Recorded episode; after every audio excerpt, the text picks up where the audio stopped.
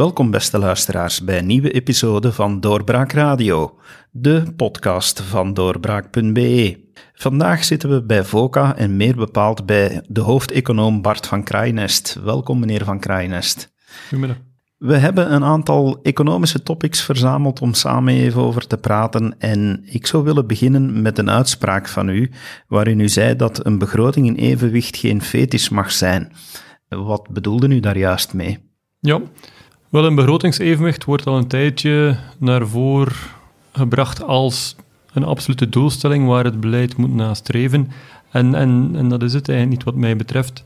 Begroting al dan niet in evenwicht zegt niet zo heel veel over de gezondheid van onze openbare financiën. Ehm, bijvoorbeeld in België hebben we al 50 jaar geen begroting in evenwicht gehad, behalve onder de Paarse regering, die hadden dat wel. Maar dat was toen met allerlei kunst en vliegwerk.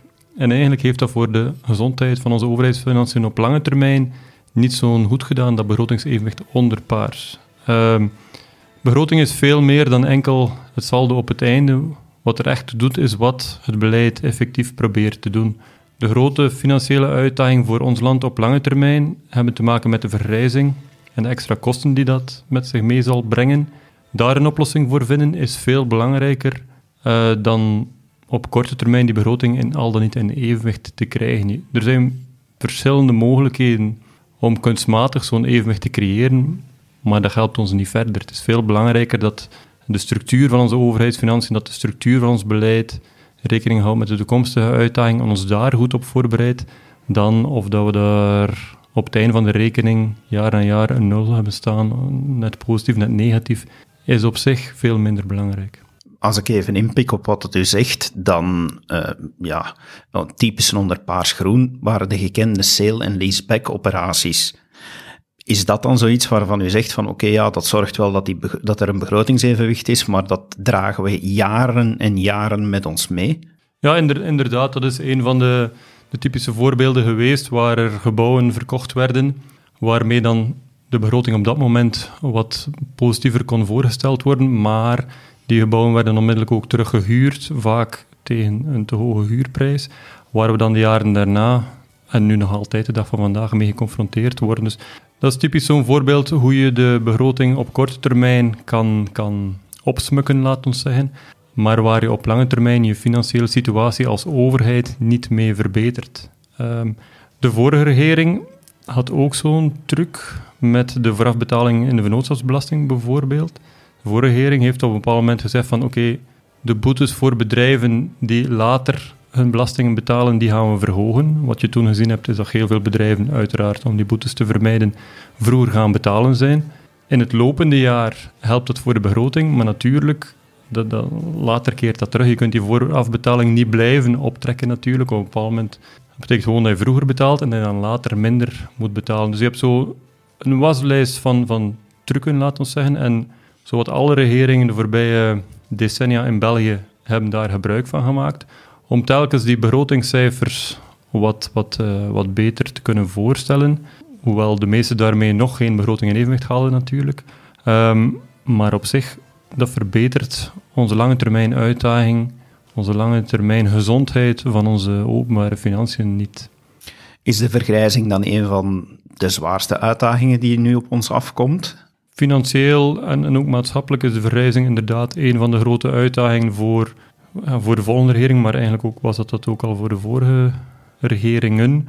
Het is niet de enige, er zijn er nog, de hele klimaatuitdaging bijvoorbeeld, maar die vergrijzing is natuurlijk één waar we al, al 20, 30 jaar over spreken. We zien die aankomen, want die mensen die, uh, die natuurlijk die vergrijzingshalf uitmaken, die, die, die zijn er al. Je kunt dat vrij makkelijk gaan, berekenen hoeveel dat allemaal moet gaan kosten. Dat kostenplaatje kennen we al een hele tijd.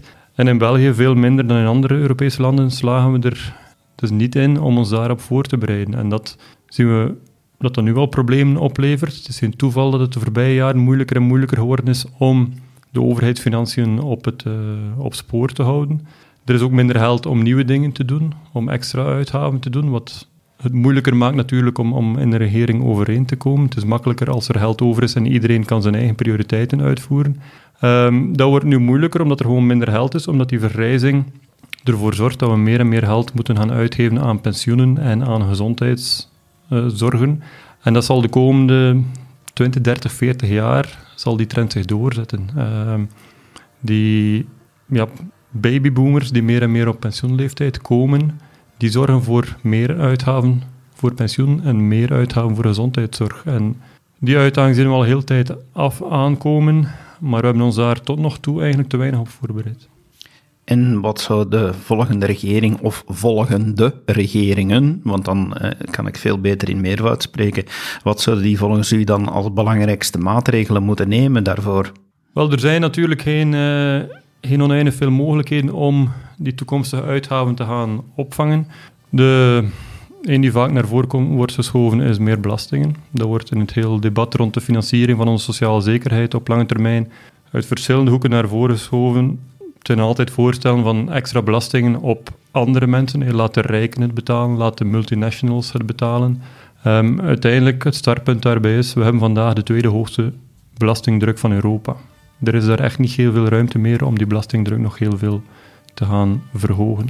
Um, tweede piste is dan uh, besparen. Efficiënter omgaan met de, met de uh, middelen die we vandaag al hebben. Daar is in België nog zeer veel ruimte voor analyses van alle internationale instellingen, van onze nationale bank ook, die wijzen daar stevast op dat onze overheidsuitgaven niet super efficiënt gebeuren. Dus dat, dat we daar eigenlijk zouden moeten kunnen uh, hogere kwaliteit leveren als overheid met dezelfde middelen of dezelfde kwaliteit als vandaag met minder middelen. Daar is wel dus zeker nog wel ruimte om met de bestaande middelen meer te kunnen doen en zo ruimte te creëren om die verrijdingsfactuur op te vangen. Maar de voorbije jaren ook al gebleken dat dat heel erg moeilijk is. Dat botst heel snel op heel veel weerstand natuurlijk. Ehm, maar daar gaan we onvermijdelijk toch moeten naar evolueren. En dan de derde mogelijkheid is meer mensen aan het werk. Ondanks alle, alle statements over jobs, jobs, jobs uh, van de voorbije regering, ondanks het feit dat de vorige regering in de vorige legislatuur ook wel redelijk veel jobs bijgekomen zijn, is het nog altijd zo dat er in België eigenlijk relatief weinig mensen werken als we dat vergelijken met andere landen. Als we het bijvoorbeeld vergelijken met Zweden, en als je dan zegt wat een topland is op, op vlak van werkgelegenheidsgraad, wij proberen in België eigenlijk een, een, een, een welvaartsstaat, een sociale zekerheid van hetzelfde niveau als de Zweden te onderhouden, maar naar verhouding doen we dat met ongeveer 900.000 minder mensen die, die werken. En dan is natuurlijk geen verrassing dat dat financieel moeilijk houdbaar blijft. Uh, mochten we die mensen wel aan het werk krijgen, ja, dan kun je natuurlijk financieel wel redelijk uh, wat meer gaan doen. Uh, dus in die zin, de vorige regeringen hebben daar al stappen gezet om meer mensen aan het werk te krijgen. Maar de volgende zullen zeker op die weg verder moeten doorgaan. Hè. En ook de, de gesprekken of, de, of de, de statements die nu soms gemaakt worden om een aantal van de maatregelen van de vorige regering te gaan terugdraaien, zijn op dat vlak zeker geen goed idee natuurlijk, want eigenlijk moeten we nog net verder die weg. We moeten dringend nog heel wat meer mensen aan het werk krijgen, um, vooral om die welvaartsstaat op lange termijn uh, betaalbaar te houden. Ja, als ik daar even mag op inpikken, uh, dan gaat het wel degelijk om meer jobs te creëren en niet zozeer de herverdeling van het werk. Want ik heb ook gemerkt dat u op een gegeven moment gereageerd hebt op het uh, voorstel vanuit Finland, waar de Finse premier een voorstel had van een vier dagen werkweek uh, en dan vier maal zes, dus een 24 uren week. En u zegt van, ja, dat is gewoon niet haalbaar zonder economische schade. Dus dat moeten we zeker niet invoeren in ons land. Nee, zo'n arbeidsduurverkorting, waar inderdaad ook hier wel een aantal mensen voor pleiten, uh, dat is niet, denk ik, uh, de goede weg. Integendeel gaat de verkeerde richting uit. En dat is ook gebaseerd op een, uh, ja, een idee dat, dat, dat, dat, we in de economie al lang opgegeven hebben, dat dat complete onzin is. Het punt waar, waar u mee begon, dat de arbeid dat dat een soort koek is en je kunt die gewoon verdelen. En je kunt die verdelen onder meer mensen. Dat is dan het idee achter die arbeidsduurverkorting. Um, dat werkt niet. Dat hebben we in de geschiedenis al, al herhaaldelijk bevestigd. Dat was, gezien, uh, dat was trouwens ook een van de argumenten toen na de Tweede Wereldoorlog meer en meer vrouwen tot de arbeidsmarkt toetraden. Toen was in sommige hoeken ook het idee van ja, maar die gaan gewoon de jobs afnemen van, van, van de mannen. Want er is maar een beperkte hoeveelheid werk. En als je die met meer mensen wil gaan doen, dan neem je jobs af van elkaar. Hetzelfde idee hadden we ook met de invoering van het brugpensioen eind jaren 70, begin jaren 80. Toen was het idee van we hebben veel jongere werklozen, laat ons ouderen vroeger laten stoppen en dan kunnen we die jobs doorgeven aan, aan, aan de jongeren. Dus dat is een idee dat blijkbaar bij een breed publiek uh, vrij geloofwaardig klinkt. Maar dat is niet zo. Er is niet één vaste pot aan jobs die we dan kunnen gaan verdelen zoals dat we willen. Nee, in tegendeel, we kunnen onze economie ook groter maken. We kunnen die, die pot aan jobs of, of die economische koek, we kunnen die groter maken. En dat is waar we eigenlijk naartoe moeten als we die welvaartsstaat willen blijven financieren. We moeten onze economische koek groter maken door met meer mensen eraan bij te dragen. En dan kunnen we daarna de vruchten daarvan gaan herverdelen, onder andere naar die pensioenen toe, onder andere naar uitkering toe. Ehm, dat gaat niet over, over werk verdelen. Het voorstel dat, dat vaak wordt naar voren geschoven, we stappen af van de vijf dagen eh, werkweek en we stappen over naar vier dagen werkweek, eh, of concreet van 38 uur naar 30 uur, wat hier soms voorgesteld wordt. Ehm, ja, dat komt neer op met loonbehoud, want dat komt er dan altijd nog een keer bij, met loonbehoud. Dat komt overeen met een loonsverhoging met 27% voor iedereen. Ja, niemand stelt ervoor om zo'n loonsverhoging door te voeren. Waarom niet? Omdat iedereen weet dat dat compleet onhaalbaar is, onrealistisch. En dat, is ook voor, uh, ja, voor heel onze economie het geval. Het is niet zo dat we, um, dat we te weinig werk hebben of zo. Integendeel. Het grote probleem voor veel Vlaamse ondernemers is vandaag, er zijn niet genoeg mensen, er zijn jobs genoeg, maar we vinden niet genoeg mensen. En dat is iets dat je zeker met die met die arbeidsherverdeling, zelfs al mocht het kunnen, niet gaat oplossen. Ehm, zo'n herverdeling gaat ook niet bijdragen tot de financiering van die verrijzingsfactuur. Daarvoor moeten we net meer mensen aan het werk, maar meer mensen ook in extra jobs, niet gewoon in gedeelde jobs met iemand anders. Dus nee, dat is zeker geen goede piste um, om onze economie vooruit, uh, vooruit te helpen. U, u, zegt net van voor veel werkgevers is het probleem van het vinden van mensen, is het het vinden van mensen of het vinden van de juiste mensen? Want ja, we hebben toch nog altijd een behoorlijk aantal werklozen in ons land. Ja, dat is, dat is een beetje het bizarre aan, aan, onze, aan onze situatie in, in, België.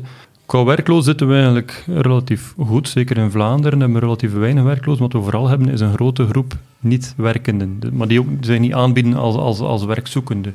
Daar, daar zijn we bij de Europese landen met het grootste aantal inactieven.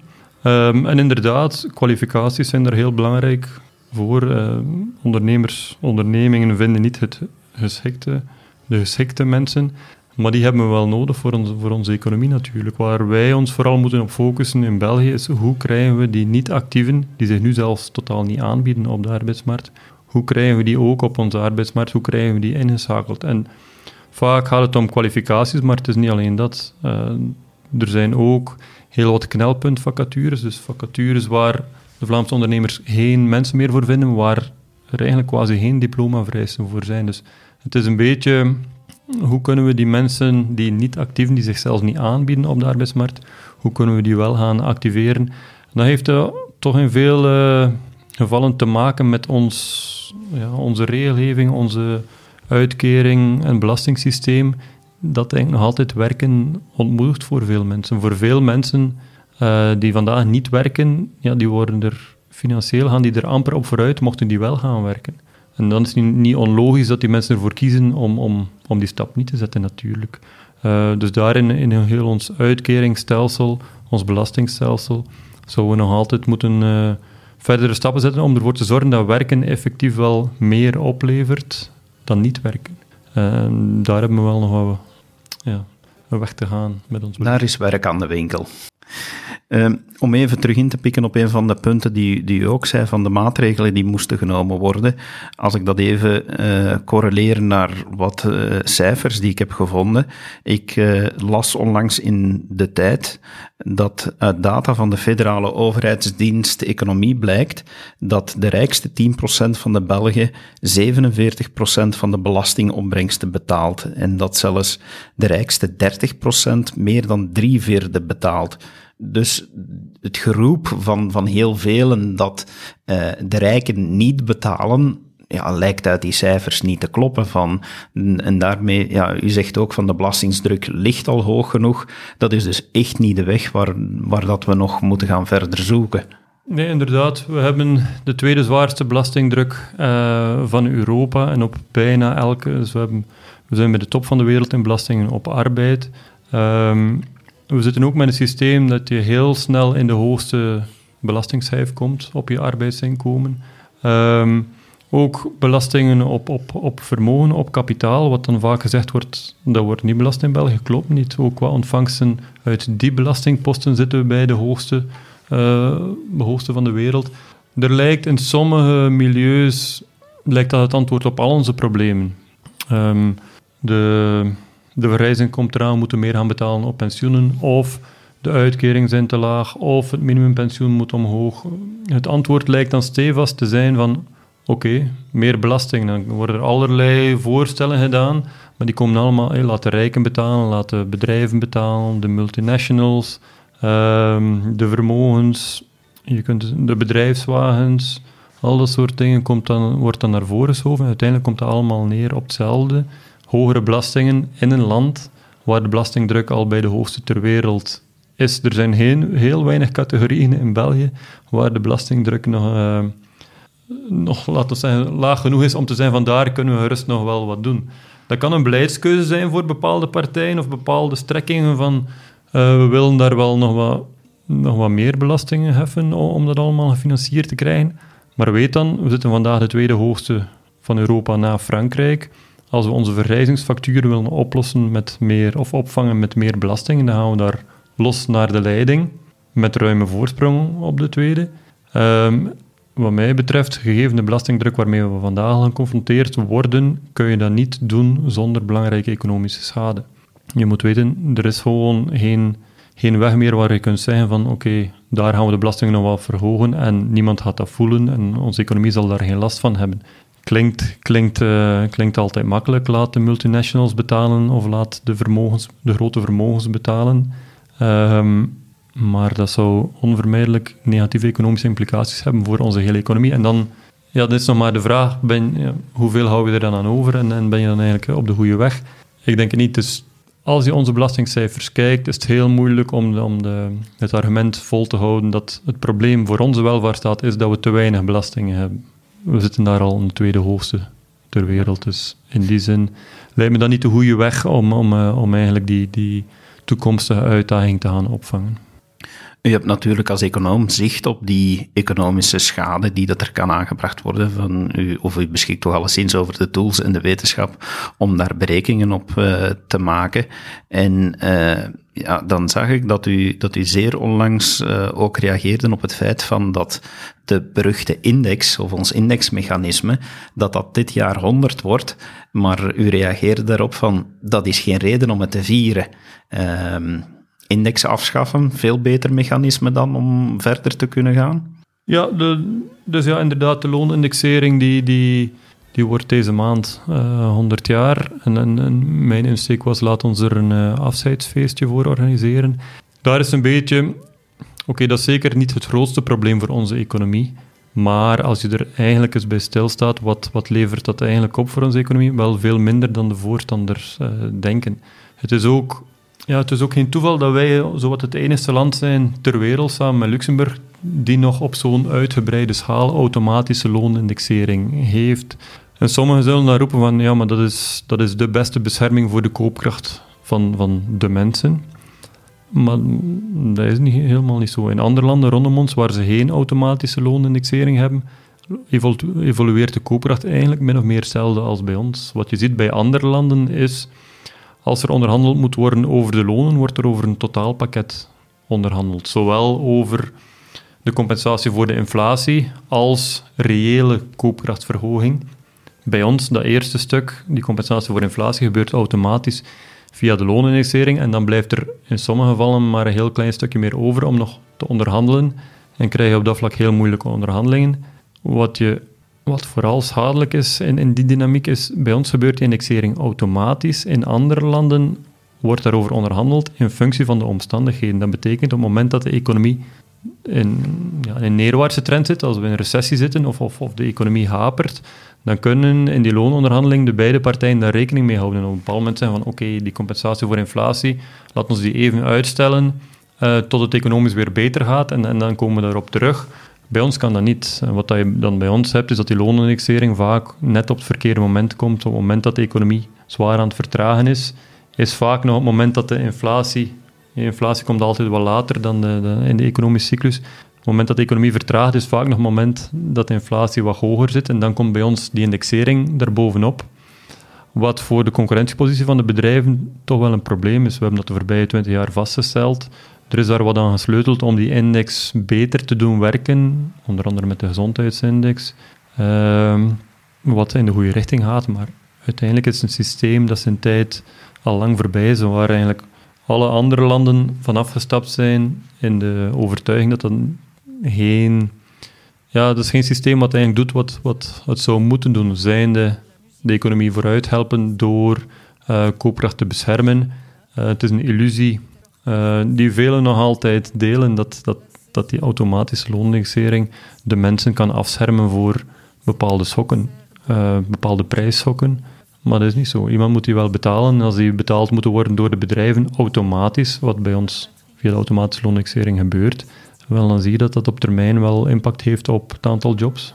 En wat ik daar straks zei, het feit dat bij ons nog altijd relatief weinig mensen werken, dat ligt niet alleen aan de automatische loonindexering. Dat is een combinatie van heel veel factoren. Maar die automatische loonindexering is er ook één zoveelste factor daarbij.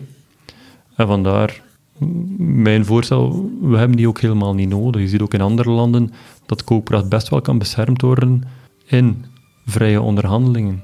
Je hebt er voorheen door de overheid opgelegd automatisch systeem nodig um, dat zich niet kan aanpassen aan de economische omstandigheden. Dus vandaar 100 jaar, het is mooi geweest. Uh, laat ons nadenken over een beter systeem om onze, arbeid beter, arbeidsmarkt beter te doen werken. En volgens mij is dat eentje zonder een automatische loonindexering dan heb je natuurlijk allemaal de sociale partners nodig die daar gaan uh, samen voor aan tafel zitten en die dat redelijkheid aan de dag leggen. En als we even terugkijken ook, het, uh, er was eind januari een, een, betoging uh, van het ABVV. En ja, ook daar zag ik u op reageren. En, en eerder in de aard van ja, eh, die eisen van wil iemand daar eens de cijfers bij optellen, zonder dat u het zei, eh, bleek daar toch wel eigenlijk uit dat, eh, dat u bedoelde van ja, dit is allemaal niet haalbaar. Wel, haalbaar of niet, het is natuurlijk allemaal een kwestie van, van, van keus van het beleid. Ehm, de betoging daar ging over de toekomst van de, van, van de sociale zekerheid, excuseer, de toekomstige financiering van de sociale zekerheid.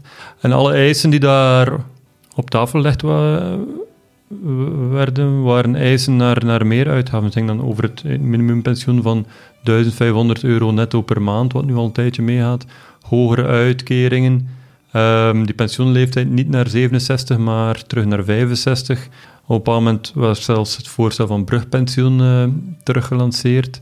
Als je de cijfers, of als je de rekening eventjes maakt, en het planbureau, het federale planbureau, heeft dat voor de verkiezing al voor een stuk gedaan, dan kwam je daar op een extra uitgave, extra jaarlijkse uit, overheidsuitgave van, van 10 miljard euro.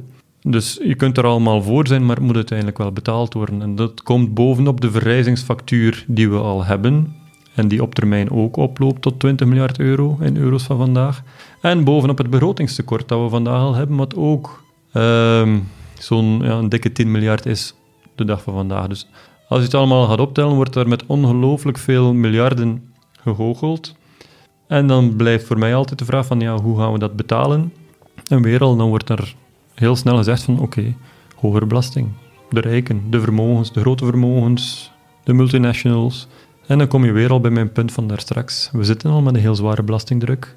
Als we al dat soort extra uitgaven ook langs die kant nog willen gaan financieren, wel, dan gaan we onze economie eigenlijk wel een serieuze klap geven.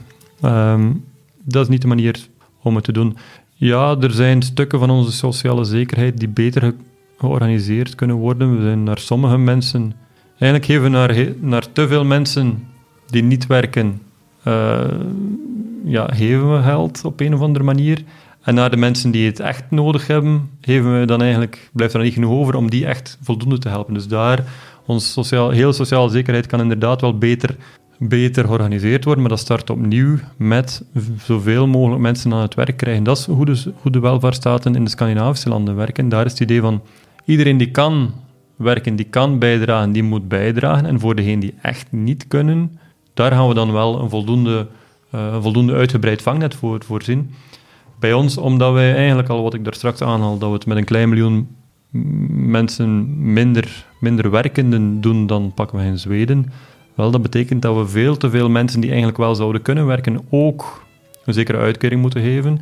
En dat we dan op het einde van de rit te weinig overhouden om de mensen die het echt nodig hebben, die echt in de problemen zitten, om die voldoende te helpen. En dat is, denk ik, een hele hervorming die onze sociale zekerheid nog moet doormaken, of, of, of die nog moet gebeuren. En dan zie je dat soort betogingen, dan wordt, er wordt daar eigenlijk aan voorbij gegaan en wordt gewoon voor de brede groep uh, allerlei extra uitkeringen gevraagd, waarvoor we vandaag en ook de komende jaren gewoon de financiële ruimte niet hebben. Het belangrijkste voor, die, voor een goede welvaartsstaat, voor een goede sociale zekerheid op lange termijn, is natuurlijk wel dat die financieel gezond blijft, dat die betaald kan blijven worden.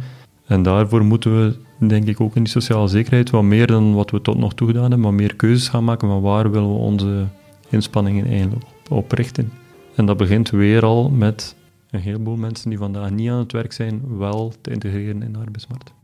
Dan moeten we zeker ook niet, zoals uh, demograaf Patrick de Bozere in de morgen stelde, uh, moeten we het niet gaan geloven dat het een mythe is dat we langer moeten gaan werken. Met die, uh, met die uitspraak moeten we dan ook heel voorzichtig omgaan, volgens u. Ja, dat is om het eufemistisch uit te drukken, moeten we voorzichtig omgaan met die, Wel, met ik wou, uitspraak. Ik wou ook zeggen, van, ik druk mij dan heel zacht uit, want uh, u liet het duidelijker blijken op Twitter dat u het er niet mee eens was. Nee, nee um, dat soort uitspraken nu, dat is ook niet nieuw. Dat is al een tijdje uit een bepaalde hoek dat herhaald wordt dat die heel die vergrijzingsfactuur of die vergrijzing, dat dat geen zo'n probleem is.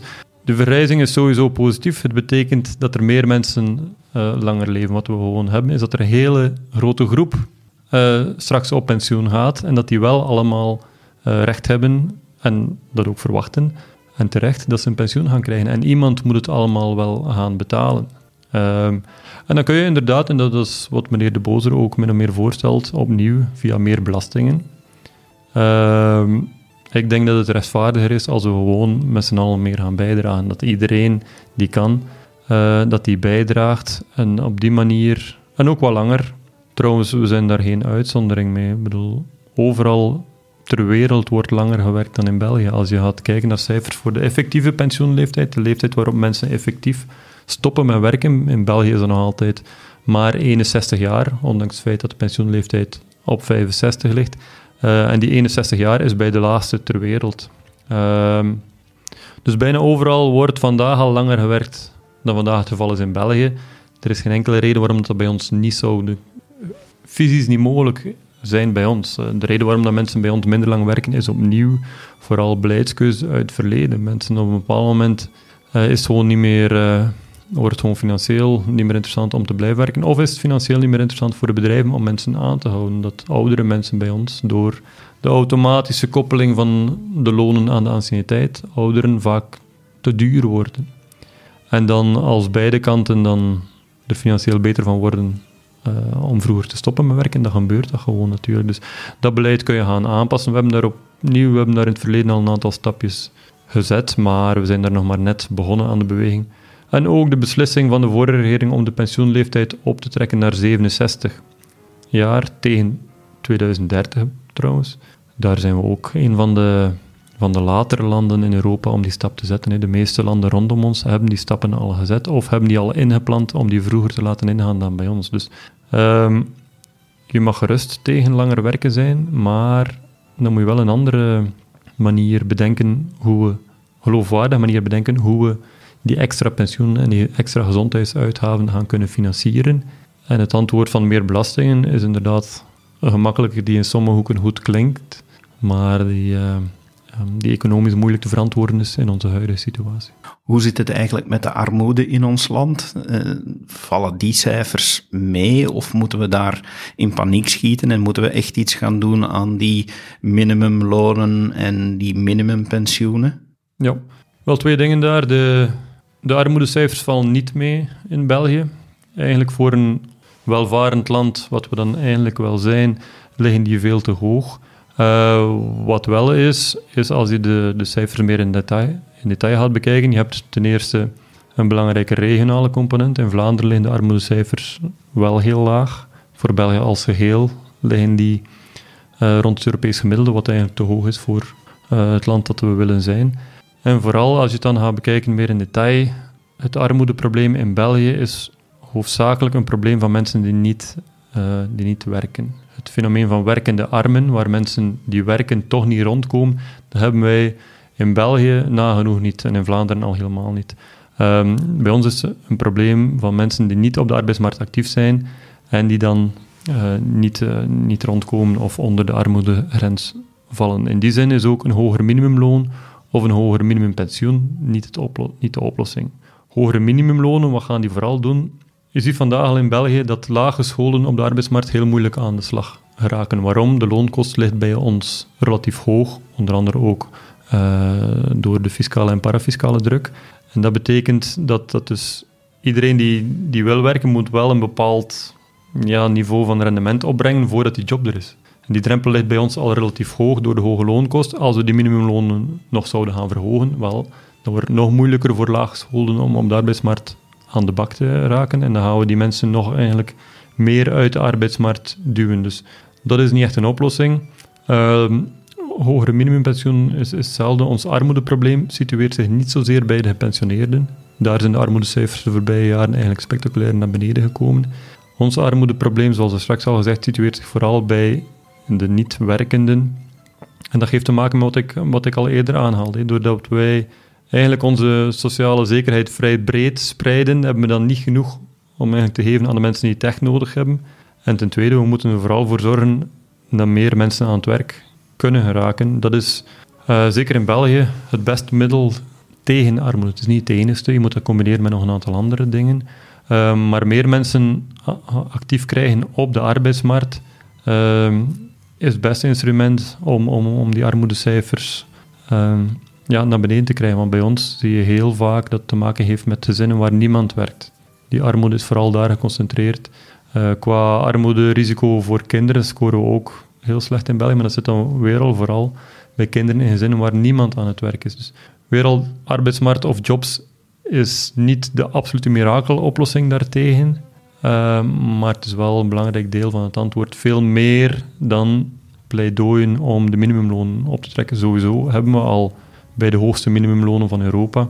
Als we die zouden gaan verhogen, dan gaan we waarschijnlijk zien dat de armoedecijfers nog toenemen, omdat we dan een aantal mensen gewoon uit de arbeidsmarkt gaan duwen. En die, die lopen dan wel heel snel risico, hoog risico op armoede.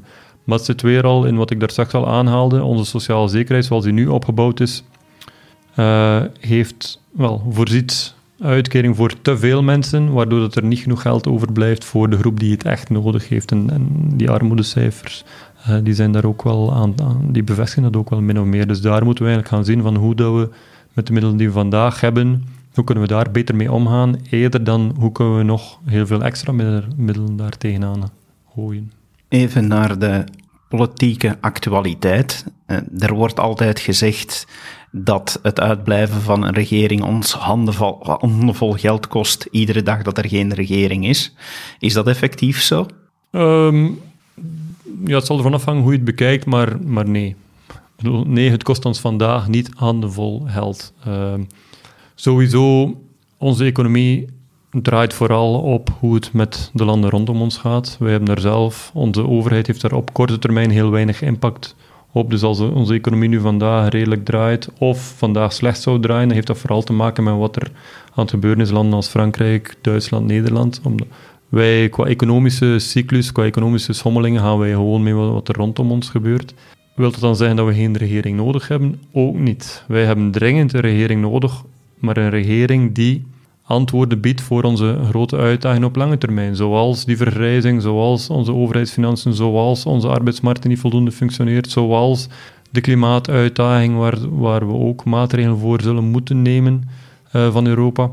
Um, om al dat soort maatregelen te nemen en dan hopelijk de, de, de, verstandige maatregelen. Daarvoor hebben we inderdaad wel een regering nodig, want zolang we, dat we geen regering hebben, zetten we op dat vlak geen, uh, geen stappen vooruit. Maar de, ja, de, de pleidooien soms van oké, we moeten nu een regering hebben, want dat kost ons elke dag zoveel euro. Dat, dat klopt gewoon niet. Onze economie blijft wel nog een tijd draaien, maar het is vooral die lange termijn uitdaging. We zijn sowieso al een land dat redelijk achterloopt in al dat soort structurele maatregelen, uh, als je vergelijkt met andere landen in Europa. hoe langer we daarmee wachten natuurlijk, hoe meer dat ons geld zal kosten op, op langere termijn. En op dat vlak is het een beetje vergelijkbaar met waar we dit gesprek mee begonnen, rond dat begrotingsevenwicht. We hebben de neiging om te veel te focussen op de korte termijn, wat gebeurt er op dit moment, en te weinig bezig zijn met wat er de komende decennia op ons afkomt en voor onze, ja, voor onze welvaart staat, voor onze welvaart toekoer, is die lange termijn horizon wel veel belangrijker natuurlijk dan wat er nu op dit moment gebeurt is. Dus ja, we hebben een regering nodig, maar we hebben vooral een regering nodig. We hebben niet zomaar een regering nodig om er een te hebben, we hebben vooral één nodig die een aantal antwoorden kan bieden, hoe moeilijk dat ook zal zijn, op die lange termijn uitdagingen die sowieso op ons afkomen. Als ik even een, een, samenvatting van ons gesprek hier mag maken, of toch er één ding mag uitpikken als rode lijn erin, en zegt u heel duidelijk, ja, meer belastingen zijn niet de oplossing. Dus uh, we moeten kijken naar een efficiënter overheidsapparaat. Daar moeten uh, besparingen gebeuren, daar moet op een slimmere manier mee omgegaan worden en er moeten betere keuzes gemaakt worden. Dat wil dan ook zeggen dat uh, wat de keuzes ook worden, en of het nodig is dat er een nieuwe staatshervorming komt, die zal wel volgens u in het licht moeten staan van jongens, zorg dat het efficiënter gaat en dat er betere keuzes, zeker op langere termijn, worden genomen. Ja, dat, dat klopt helemaal. En dat zie je vandaag natuurlijk door de staatshervorming die we gehad hebben. Zijn een aantal bevoegdheidsdomeinen zodanig versnipperd geraakt dat het heel erg moeilijk wordt om nog heel effectief beleid te voeren. Dat is weer al niet het enige probleem waarmee we geconfronteerd worden, maar dat zit er wel bij. Een van de voorbeelden is bijvoorbeeld in de gezondheidszorg. Ehm, wat je ziet in België, dat we eigenlijk relatief... We geven veel uit aan gezondheidszorg, maar relatief weinig aan preventie. En daar heb je dan de, de vaststelling preventie. Uitgaven daarvoor zitten op regionaal niveau. Gezondheidszorg op zich zit dan, zit dan federaal. Dus in die zin, eigenlijk zouden de regio's moeten meer inspanning doen op vlak van preventie, maar als dat dan op lange termijn oplevert, hè, oplevert in de zin van minder zieken of minder behandelingen, waardoor dat we minder moeten uitgeven aan, aan effectieve gezondheidszorgen, dan komt dat op het federale niveau. En dan zie je dat dat de, de, de, ja, de, de daadkracht op dat vlak wel bemoeilijkt, dat soort redeneringen, dat die beleidsdomeinen zodanig versnipperd zitten, waar je dan moet overeenkomen met verschillende beleidsniveaus en wat niet altijd uh, makkelijk is. Dus inderdaad, wat mij betreft, en ik bekijk het dan puur economisch, de staatsstructuur zoals we die nu hebben, dat zal denk ik voor veel mensen wel duidelijk zijn, functioneert zeker niet optimaal.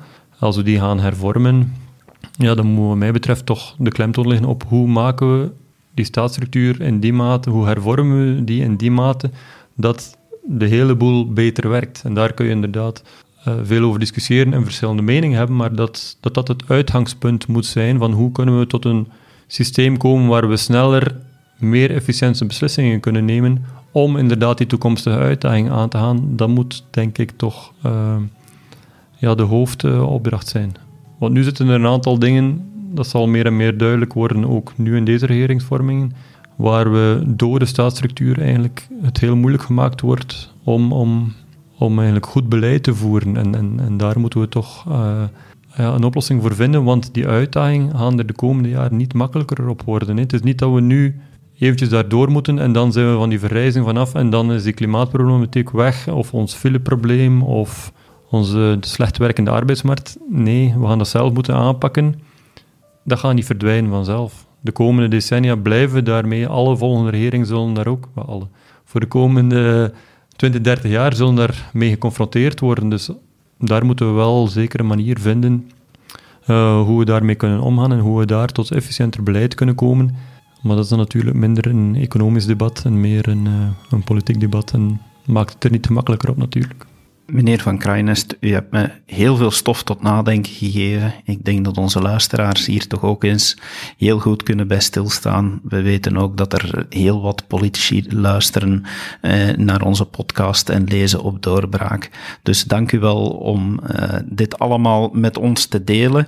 Beste luisteraars, we eh, gaan ervan uit dat u hier heel veel eh, gaat over nadenken en dat u op onze site misschien wel uh, wat meningen wil nalaten. Dat is uiteraard altijd welkom.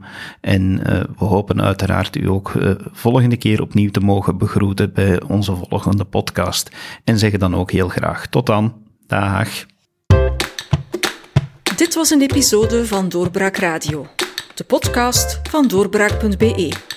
Volg onze podcast op doorbraak.be/slash radio of via Apple Podcasts, Overcast of Spotify. Bezoek ook onze website op doorbraak.be en steun ons door een vriend te worden van Doorbraak.